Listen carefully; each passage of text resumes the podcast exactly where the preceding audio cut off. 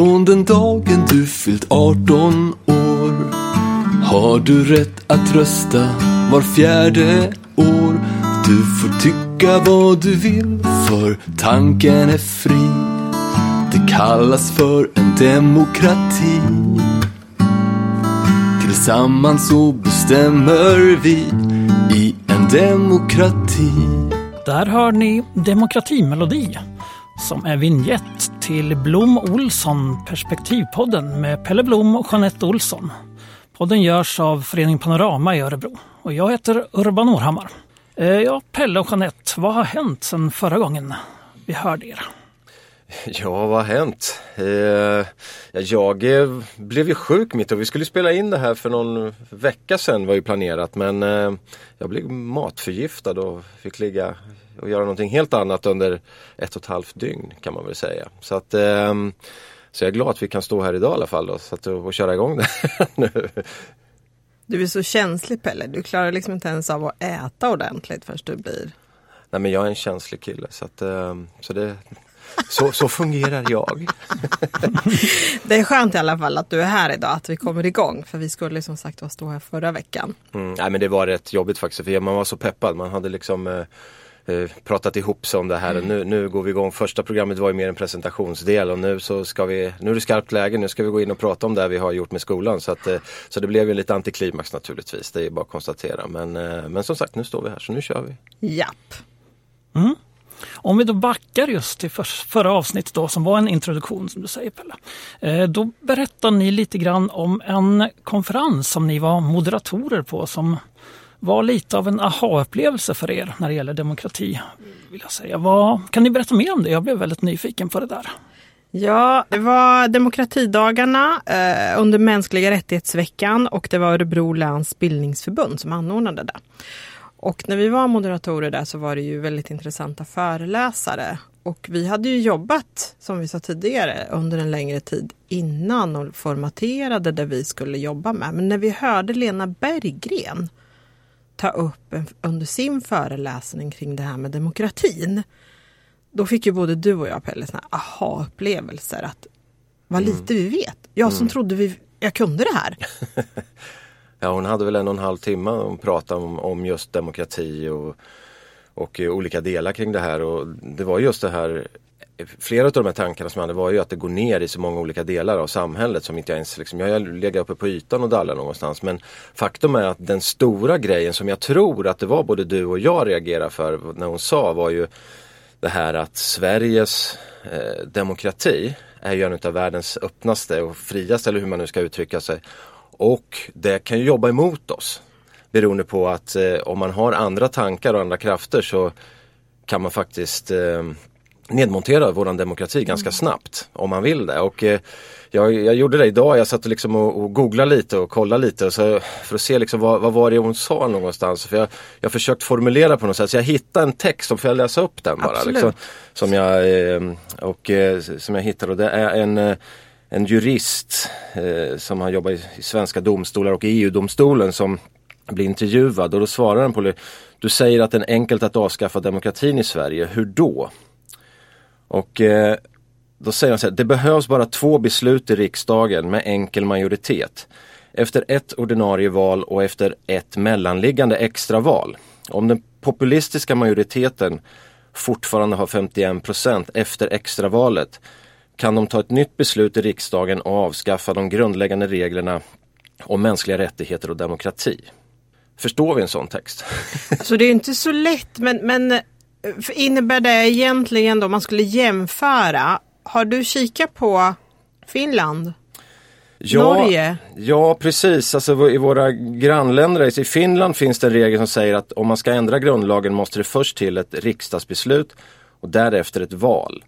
Det andra beslutet ska tas med kvalificerad majoritet, det vill säga tre fjärdedelars majoritet.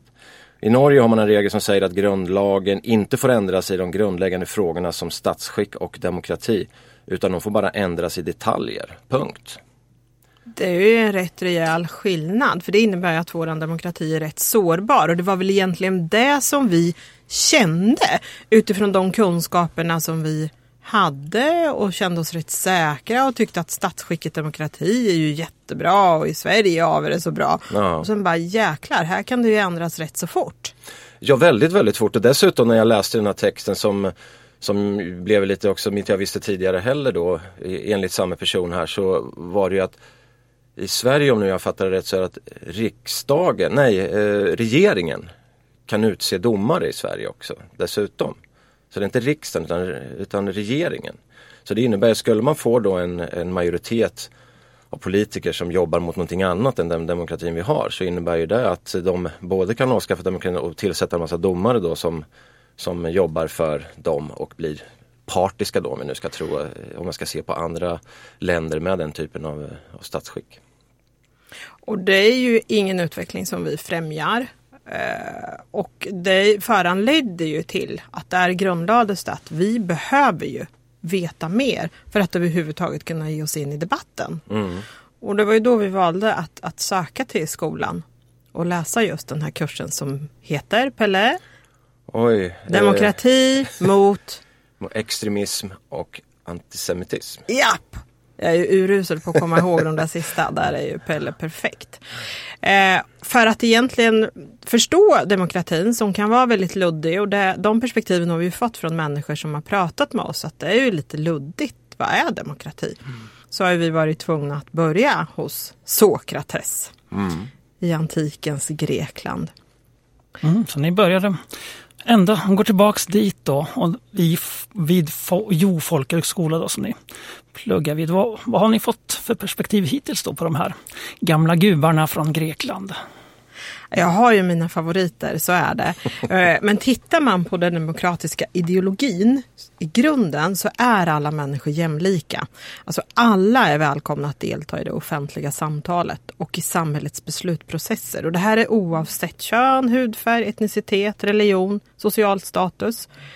Och de grekiska filosofernas tankar de har alltså betydelse för den europeiska idéhistorien som vi har idag. Men även andra högkulturer påverkar givetvis, såsom Egypten och Mesopotamien. Och man ser också att det var ett omfattande kulturutbyte i hela Medelhavsområdet under årtusenden kring till exempel naturfilosofi, religion, politik och handel. Det, det främjar ju liksom att vi är olika och vi utbyter olika idéer, tankar och att det sker utveckling från det. Eh, det fanns också andra eh, som funderade kring det här med och hade filosofiska tankar. Och då vill jag gå tillbaka till Konfucius som säger liksom att tillgodogör er den här kunskapen som redan finns. Och vi har så mycket i vår historia som vi idag tappar bort så lätt. Och sen gillar jag när han säger eh, ett annat perspektiv som han tyckte var väldigt viktigt. Att genom studier kan alla bli civiliserade. Så det finns hopp för mig och Pelle. Det är där vi håller på att bli civiliserade nu. Ja, nej, ja, nej, men det, ja, men jag tycker det det är intressant att med den tiden vi har studerat nu. Jag vet inte, vad är det? Två månader eller? vad? Ja, ungefär va? Ja. Det är ju det att en annan då som sagt ociviliserad människa då som bara gick nio år i grundskola som börjar förstå att det är rätt bra och, och få liksom lite grunder på olika sätt. Det är ju rätt intressant. Man börjar, jag har ju gått igång som tusan på just de här kopplingarna med det gamla. Så att det är så mycket, även om det var en helt annan tid på den tiden. Så det går ju, på ett sätt går det inte att jämföra men samtidigt går det att jämföra. Det är så otroligt många saker som, som liksom lever kvar idag och det har liksom gått upp och ner genom historien eh, olika sätt att styra och, men, men det ligger kvar på, på grunderna och, och någonstans är det precis som man brukar säga att vi människor fortfarande är människoapor och det är liksom eh, det är lite samma sak med de här grejerna, att saker som, vi, som startade någonstans då ännu tidigare kanske än, än, än grekerna här men, men där vi, vi utgår ifrån kan man faktiskt koppla in i dagen. Så det kommer vi säkert komma tillbaka till lite grann då. Men, men det, det har fascinerat mig nog oerhört nu när vi läser böcker. Vi läser ju både böcker som är historiska och sen så läser man böcker som är i denna tid lite grann för att få, både, det är så våran kurs är upplagd liksom, att det är nutid och historiskt och perspektiven så kan man läsa dem och få ihop dem. Och eh, jag, när jag sitter och läser de här grejerna Sen glömmer man ju bort emellanåt på dagarna också men när jag sitter och läser så blir jag så här bara Ja men det är ju så här det är! Det är helt galet liksom. Det, det blir väldigt aha-upplevelser ibland. Man bara, ja men det är ju såklart, varför ser inte alla det här liksom? Och det är väl det som är så roligt. Så tänker jag också så här att ju, man ser ju det i ett sammanhang. Alltså när jag har pluggat förr så har jag liksom lärt mig för lärandets skull. Nu sätter jag in det i våran vardag, i våran verklighet. Och jag delar perspektivet som du säger. Jag har slagits av tanken att det vi människor har utvecklat, det är våran teknologi. Vi är otroligt skickliga på att utveckla mekaniska saker och artificiell intelligens ser vi oss på nu. Men vi själva då? Vi har samma drifter och beter oss ibland dummare än vad man gjorde förr. Och det kan jag tycka är lite sorgsamt. Så jag hoppas ju att vi genom det här blir civiliserade, du och jag mm. i alla fall. Får jag göra en koppling som bara kommer upp liksom, som är i nutid lite grann ja. bara så eh, jag tänker just på det för att nyligen läst just en bok som handlar liksom om, om, delvis om USA och det som sker i USA nu. Så att det som, hela den här saken med Trump och den här rörelsen som finns kring honom. Det är ju inte heller nytt förstås. Alltså det är ju fanns någonstans i början av under 1920-talet och, och det har funnits under hela den amerikanska historien när, sen, ja, sen de vita kom dit så att säga, eller européerna kom dit kanske man ska säga. Eh, så har ju den här typen av eh, politiskt tänkande som är i USA just nu, som har, det, det har ju redan funnits vid flera ja. tillfällen. Mm. Och det har inte jag heller tänkt på. Liksom, att, ja men det är klart, det är ingenting är nytt under solen när det handlar om sådana grejer. Det bara förändras i, i, och används i nutid så att säga. Men alla grejer som används idag har ju, kom, har ju ett ursprung ifrån det vi håller på och läser. Mm. Och det är också en sån här aha-upplevelse för då blir allting, varför kan vi inte bryta de negativa mm. spiralerna när man mm. väl hamnar där? Men det verkar svårt. ja och det handlar ju otroligt mycket om människans mänskliga drag och våra behov som du var lite inne på. Liksom, att vi har ju så mycket egon inom oss. Men demokratin bygger ju ändå på, precis som du säger, det är ett otroligt gammalt fenomen kanske lika gammalt som vi människor egentligen. För egentligen 400 år före Kristus, det är där vi började, eh, så fanns det ju de här männen, sofisterna, eller naturvetarna universumtänkare kallar de sig också. Det tyckte jag var, det skulle jag vilja vara. Det var väldigt, ja precis, jag bara, det skulle jag vilja vara. Eh, men de, hade, de var ju väldigt goda retoriker eh, och hade då det här politiska tänkandet som ligger till grund för vår västerländska demokrati idag. Även om vi nu har utvecklat den mycket, mycket mer. Eh, utanför Grekland så var det faktiskt väldigt skiftande styre. Men det som var roligt tyckte jag, det var att grekerna kallade dem för barbarer. Mm. Vet du vad jag skrattade när det var för att de, de tyckte deras språk lät barba, barba, barba. Ja, så var det så? Ja, så då var det liksom, de där pratar ju bara barba, barba, det måste vara barbarer. Och jag tyckte det där var helt underbart. Så en som inte jag förstår är barbar. Ja, det var därför som alla som inte var greker var barbarer. Ja, alla, utan, alla utanför Aten nästan var barbarer. Alla utanför Aten var barbarer. Ja. För att de pratar barba, barba. Ja, och de var slavar dessutom. Inte alla va? Alla som inte var greker. Alla som inte var greker ja. var det. Men eh, så är det ju och demokratin ligger till grund och där kan jag bara hålla med Voltaire. Han säger jag delar inte dina åsikter men jag är beredd att dö för din rätt att uttrycka dem. Och det är väl där vi utgår ifrån när vi jobbar. Men vi måste ju bryta ner, vad betyder det då? Ja precis, för hur många är beredda att göra det? Ja. Finns det någon? Ja det gör det säkert. Det finns dissidenter i olika länder som är beredda att sitta i fängelse i många år som helst. Mm. Det finns folk som har svält sig till döds mm. för de högre värdena. Så det är klart att de finns men de är extremt, extremt få. Den som var det från första början, som nu när vi läser, det var ju Sokrates en av mina favoriter i den här historien. Han, eh, han dog ju faktiskt. De mördade ju honom. De gav ju honom gift som han fick dricka och det var ju för att han då han avrättades för att han förnekade stadens gudar, alltså Atens gudar. Och han stod för det här ända in i det sista. Eh, hans eh, filosofi var liksom kring när han tänkte det här är att är det verkligen rätt bara för att majoriteten röstar på det? Nej, tyckte han. Folk måste få tänka kritiskt. Och han, han gick runt i Aten och ställde frågor till folket och var nyfiken på vad folk tänkte och tyckte och tänkte. Och, och det här gjorde ju han barfota. vad smutsig han måste ha varit om fossingarna tänker jag när han gick där i skitiga Grekland på gatorna och frågade vad folk tyckte. Jag tänker mer på att det måste vara väldigt varmt. Fotsulorna måste ha brunnit upp. ja, det är klart, så kanske det var. Men det var ju inte hans huvudsyfte. Det är kanske inte så han vill bli ihågkommen. Nej, jag tror nog inte det. Eh, men han var väldigt populär. Han var en väldigt god retoriker och han låg ju till grund för väldigt mycket utav det som Platon, som var hans lärling, gick vidare med sen.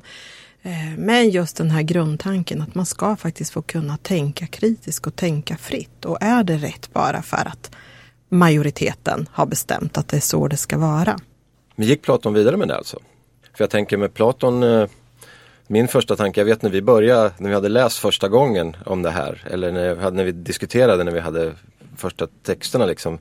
För, för mig har ju liksom de här varit mera filosoferna, inte de politiska filosoferna. När jag, jag har ju läst filosofi lite grann utav eget intresse förr men då har det varit mer de här andra tankarna liksom. Men det här är de politiska tankarna. Sen då, när jag läste om Platon första gången så tänkte jag så här, men lugn, det här är ju en antidemokrat, han är socialist, han är diktator, elitist.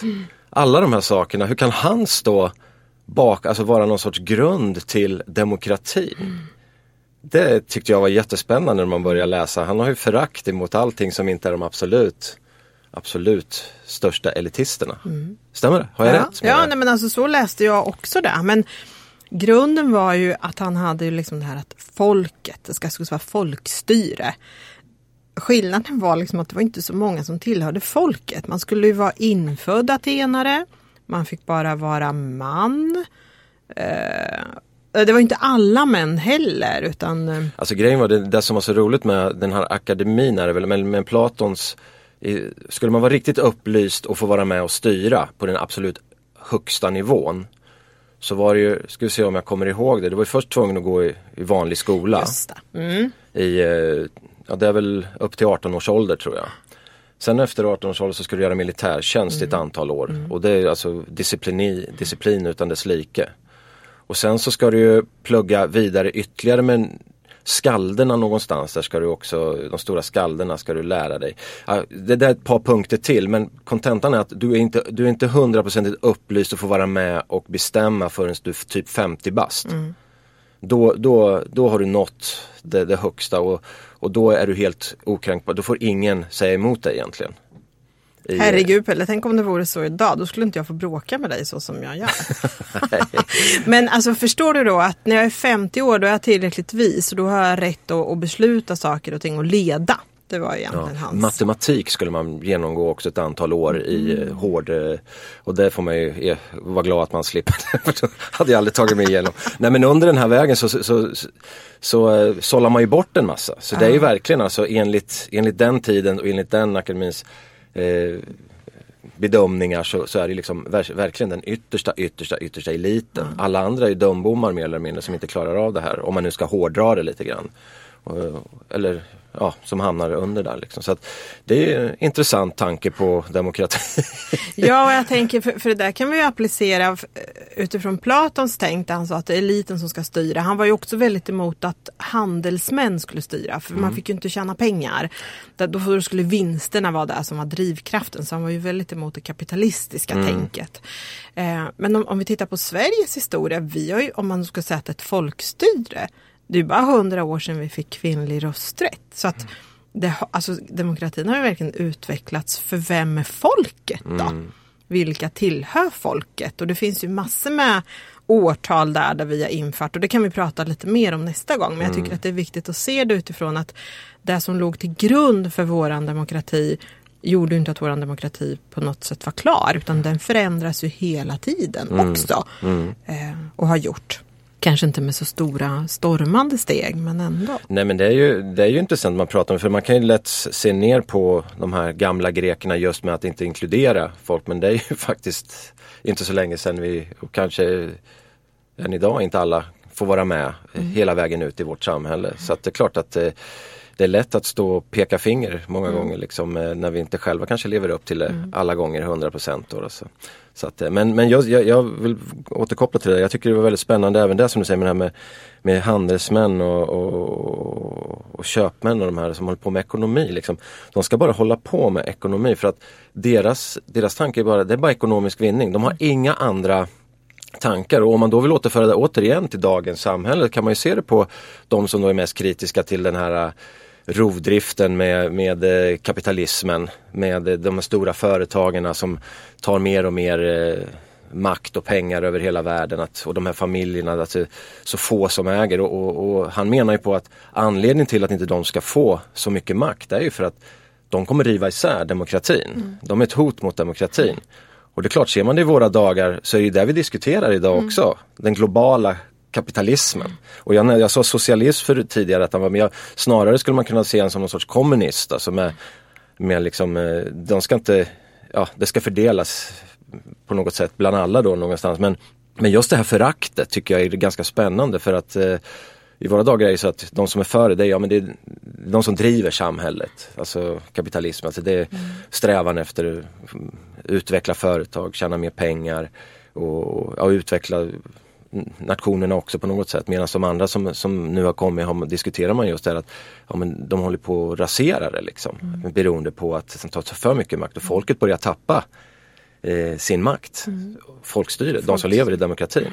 Så det är, det, är just det här jag, som jag sa tidigare, varje grej vi kan prata om här kan man bolla tillbaka till våran tid någonstans och, och se någorlunda liknande saker faktiskt. Och, och det, för mig att tänka på det globala perspektivet, hur handeln har ökat länder emellan. Vilket gör att vi blir sårbara när det händer någonting någon annanstans. Vilket också har skett och accelererat över tid. Eh, Så allt hänger ju samman. Det som hände då, det som händer idag, det finns så många kopplingar däremellan. Eh, Platon var ju faktiskt infödd atenare. Det var också viktigt. Man tillhörde ju inte folket om man inte var atenare. Så det här att tillhöra staden och ärva sin ett och sin plats i samhället var ju också väldigt viktigt. Och där kan man väl se, finns, förekommer ju idag också, att det finns ju stora familjer, stora släkter eh, som håller samman precis som man gjorde då. Och på den tiden var det då atenarna som höll samman.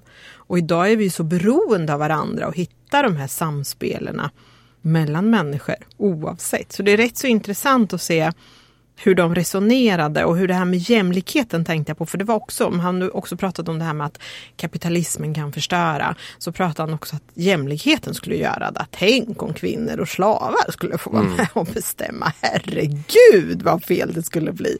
Eh, Så vissa saker kanske har blivit bättre och vissa saker kanske har blivit sämre, vad vet jag. Ja, det var ju, men slavar brydde han sig nästan inte. Platon brydde sig inte om dem överhuvudtaget. Han nämnde dem ju.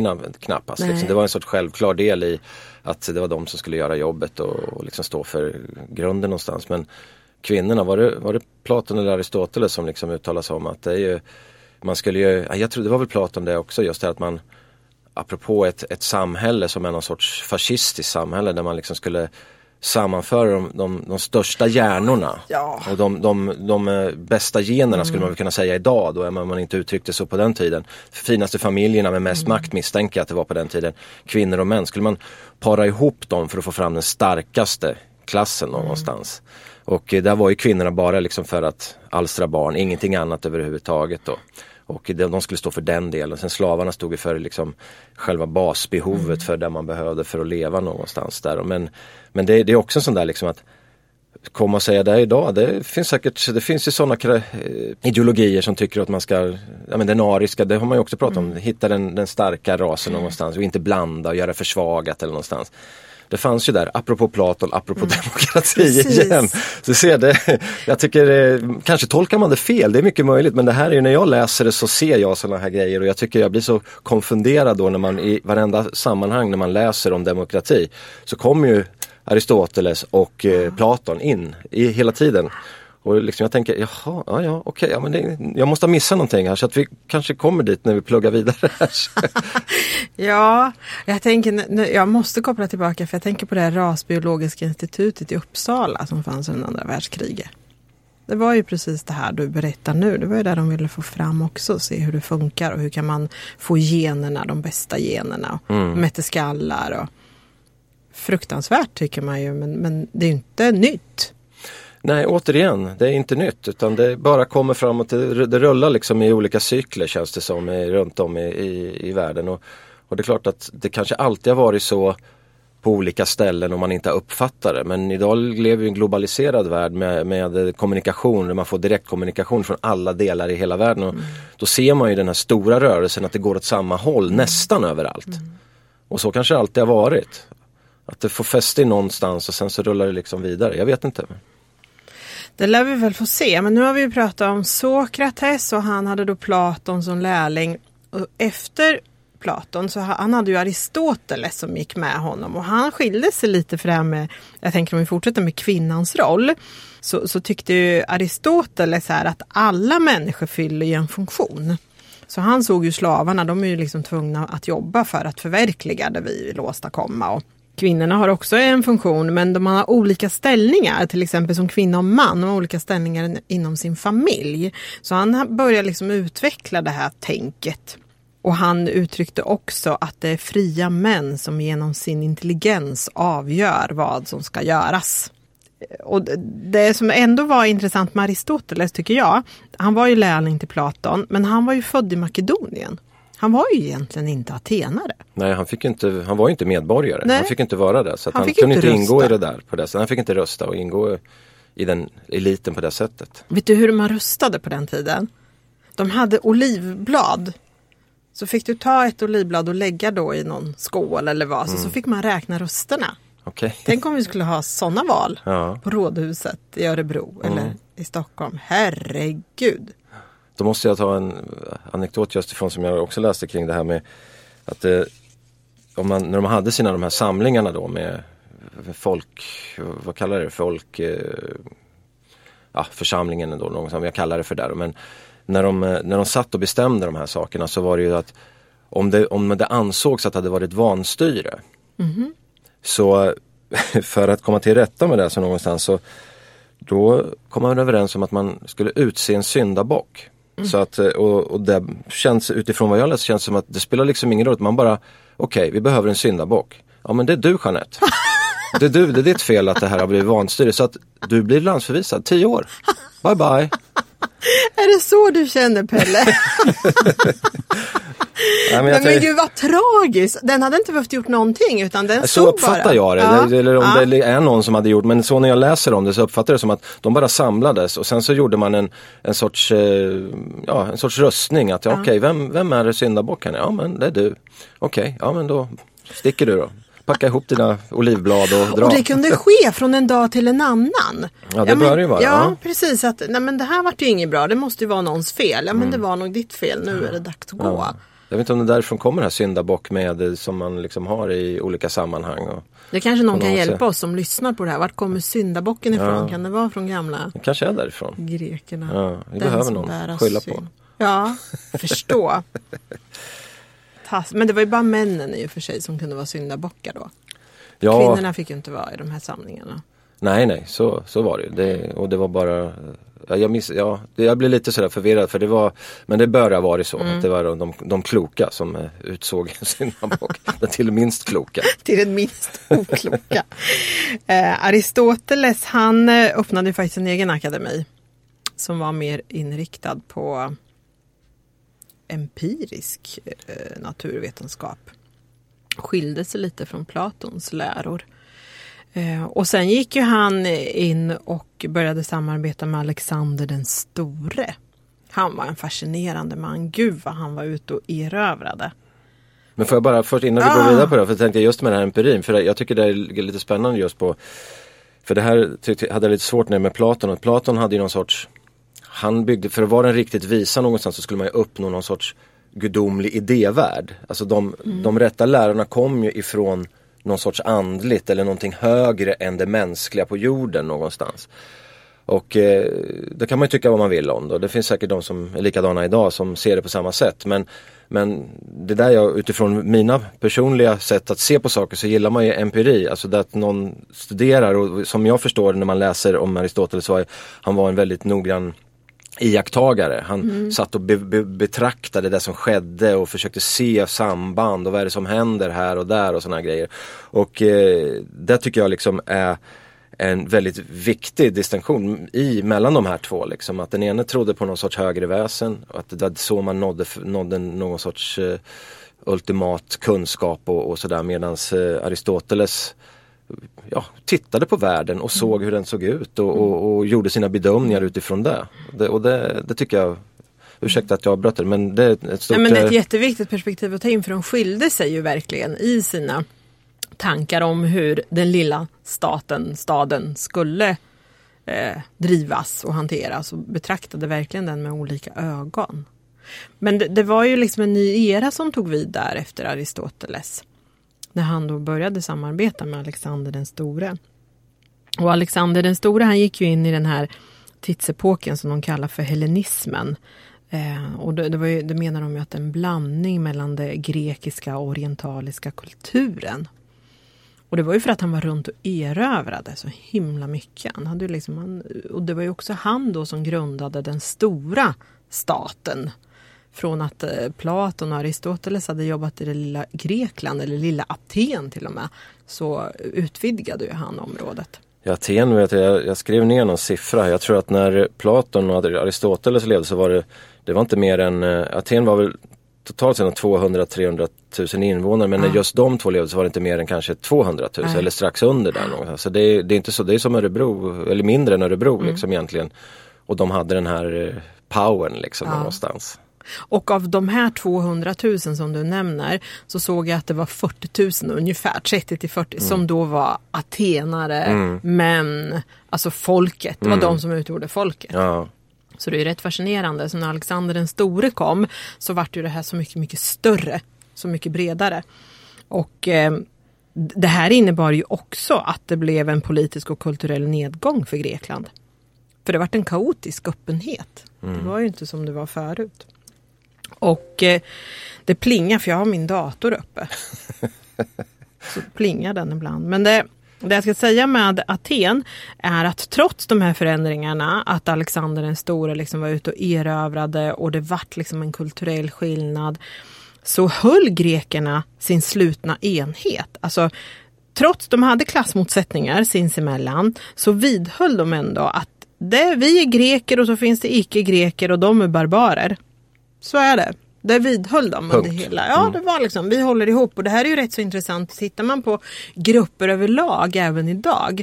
Så fort det är hot utifrån så sluter grupper mm. sig. Mm. Och det behöver inte vara grupper som är av religiös art eller av annan etnicitet. Det kan vara grupper inom, det kan vara polisen, det kan vara sjukvården. Alla som blir angripna som grupp mm. sluter sig. Mm. Och det här är ju ett jätteintressant fenomen. Mm. Eh, vad, beror, vad beror det på? Vad är det vi försvarar? Mm. Får man tänka kritiskt? Får vi kritisera? För redan där ser vi liknelsen. Det är samma samma idag. Jo men det är ju så rädsla. Mycket de som, de som tolkar det här som i de här länderna som då blir mer auktoritära. De tolkar det på det sättet att, att folk blir mer rädda.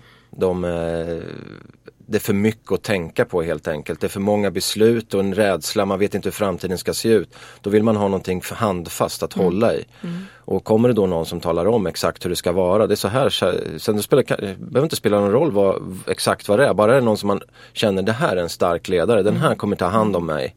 Och det är klart jag röstar på den här. Mm. Liksom, och det, det är väl en mänsklig natur någonstans att, man, att man gör så någonstans om, om man generaliserar. För även om det nu den liberalistiska tanken eh, har varit under ganska många år i västerland, i Europa och Väster, Västeuropa och västerlandet om vi kallar det så. Har, eh, har i och för sig sagt någonting annat men det är kanske är därför vi är idag för att det, det finns för mycket hot runt mm. omkring och då blir folk rädda. Mm. Och man vet inte vad framtiden bär med sig. Och, och då plötsligt så, så vill man ha någonting som man, ja, handfast som man förstår helt enkelt framför sig. Och, och, när, när du, då tänker jag så här att oftast är det väl sånt som man är van vid som inte är nytt. Eh, de flesta människor är ju rädda för det nya och vi står ju väldigt mycket inför mycket nytt. Eh, mycket mer globalisering, folkrörelser har ju funnits i årtusenden. Men nu är det ju närmre oss och i Sverige är det väl rätt så stor skillnad. Det har inte varit så jätteradikala förändringar i Sverige över tid. Nej. Ehm, och tittar man på oss i ett större sammanhang så, så har vi väl varit rätt så haft det rätt så lugnt och tryggt och kunnat byggt vidare på vår sociala välfärd. Och nu händer det någonting i mm. omgivningen. Nu är det globaliserat på alla delar och Sverige är en del i många delar. Vilket gör att det kanske är rörligare och att vi människor tycker det är jobbigare. Och jag ser bara på mig själv, jag tycker vissa saker är jättejobbiga att förhålla mig till. Och, mm. jag orkar inte med alla förändringar. Och, och nu är den här rollen när jag tycker teknik är så jäkla jobbigt. Nu ska allting bli digitalt. Mm. Men det är ju det är en grej som det, det, tror inte jag vi ska ta upp idag för det är en, en helt egen eh, del tycker jag. Men just teknikdelen är ju otroligt intressant. Vad, för jag menar det finns ju liksom sådana som nu pratar om att faktiskt Homo sapiens tid är över lite grann. Att det blir en ny tid med, med människor som, ja, med, man kan operera in grejer och man kan förstärka saker och med intelligens och allt möjligt med AI och hela den här biten. Och, och eh, det är klart att det kommer naturligtvis kosta pengar. Då blir det en sorts klassfråga där också. Vilka kommer ha råd att göra de här sakerna, vara med på det tåget? Det kommer bli att det blir en, en någon sorts tre, ytterligare en typ av människa. Också. Mm. Men, men som sagt att det, jag, jag håller mig lite på den för att den tycker jag, jag förstår så lite om det men jag tycker det är så otroligt spännande. Så jag har läst något kapitel om det där som, som jag tyckte liksom var oj, här har vi någonting att brottas med framöver. Och den här pandemin kanske har hjälpt till att snabba på den utvecklingen mm. just lite grann. Alltså. Jag, vill, jag vill plocka upp en grej också som jag, mm. det poppar upp saker i huvudet man står och pratar.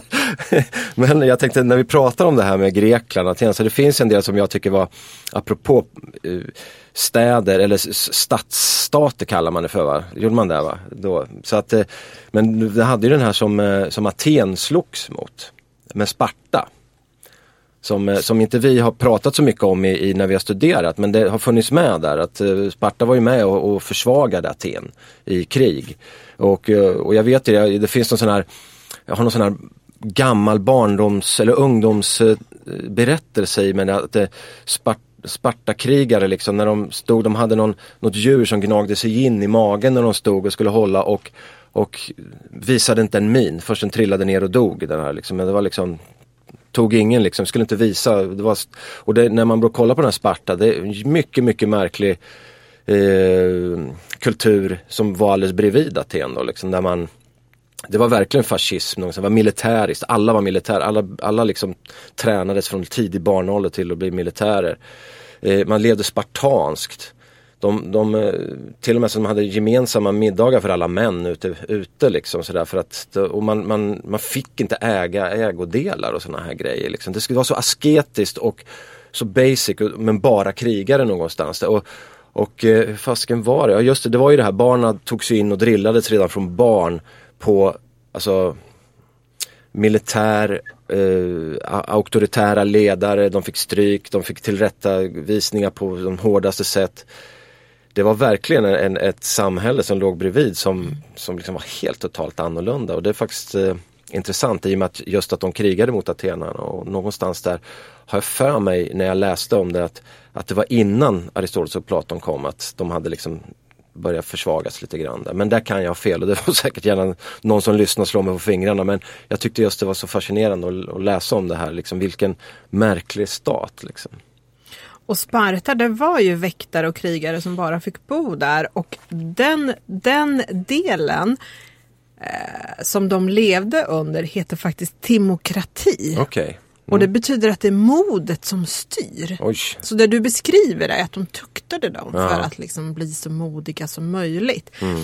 Men sen hade jag bilden av att Sparta liksom var tillhörde Aten för de skulle ju, de skulle ju skydda Aten. De var ju väktare både inåt för att liksom hålla rättsordningen men också för att skydda mot barbarerna.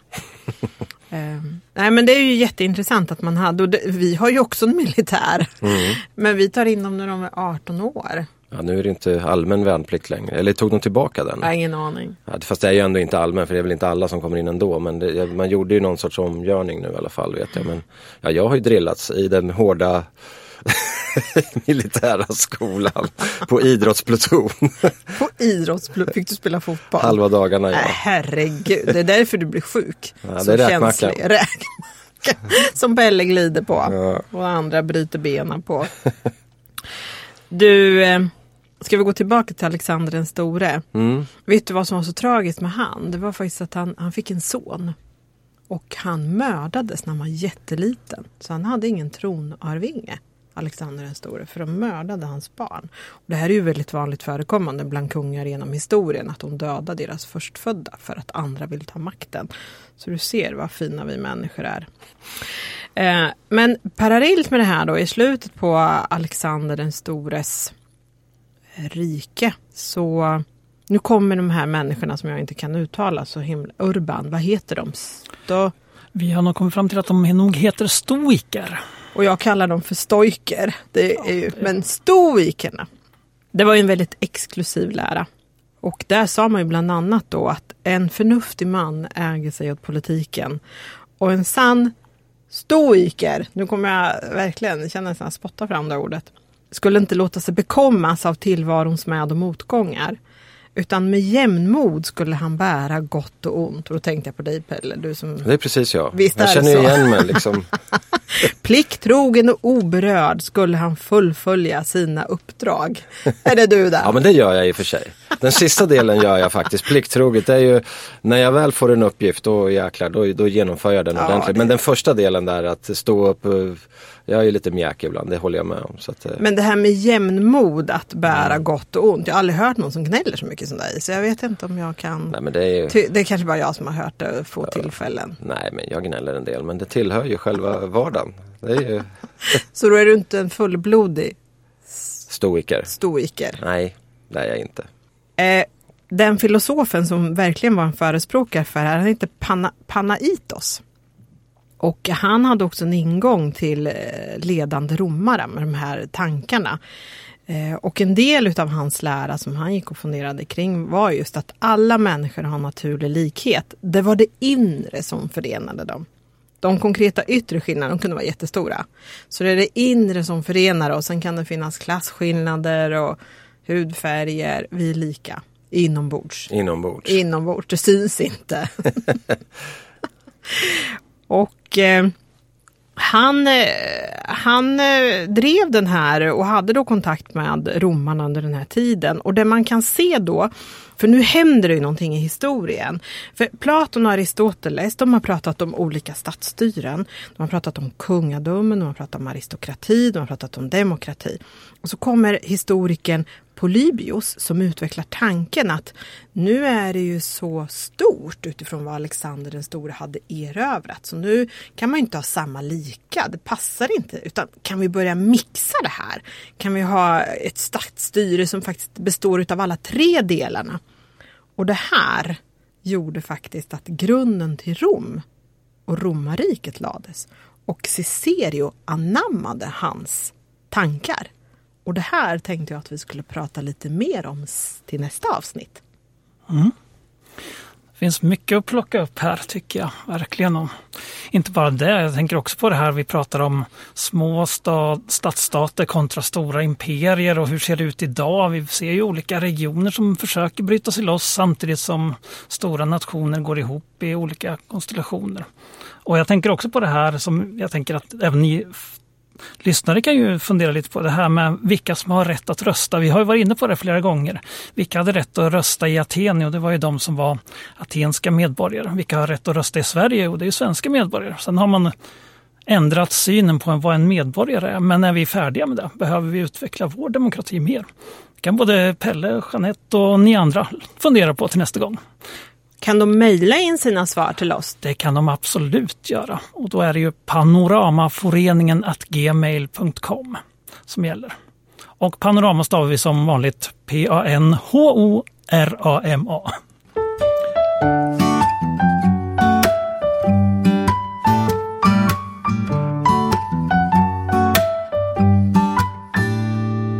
Du har lyssnat på Blom Olsson Perspektivpodden med Pelle Blom och Jeanette Olsson.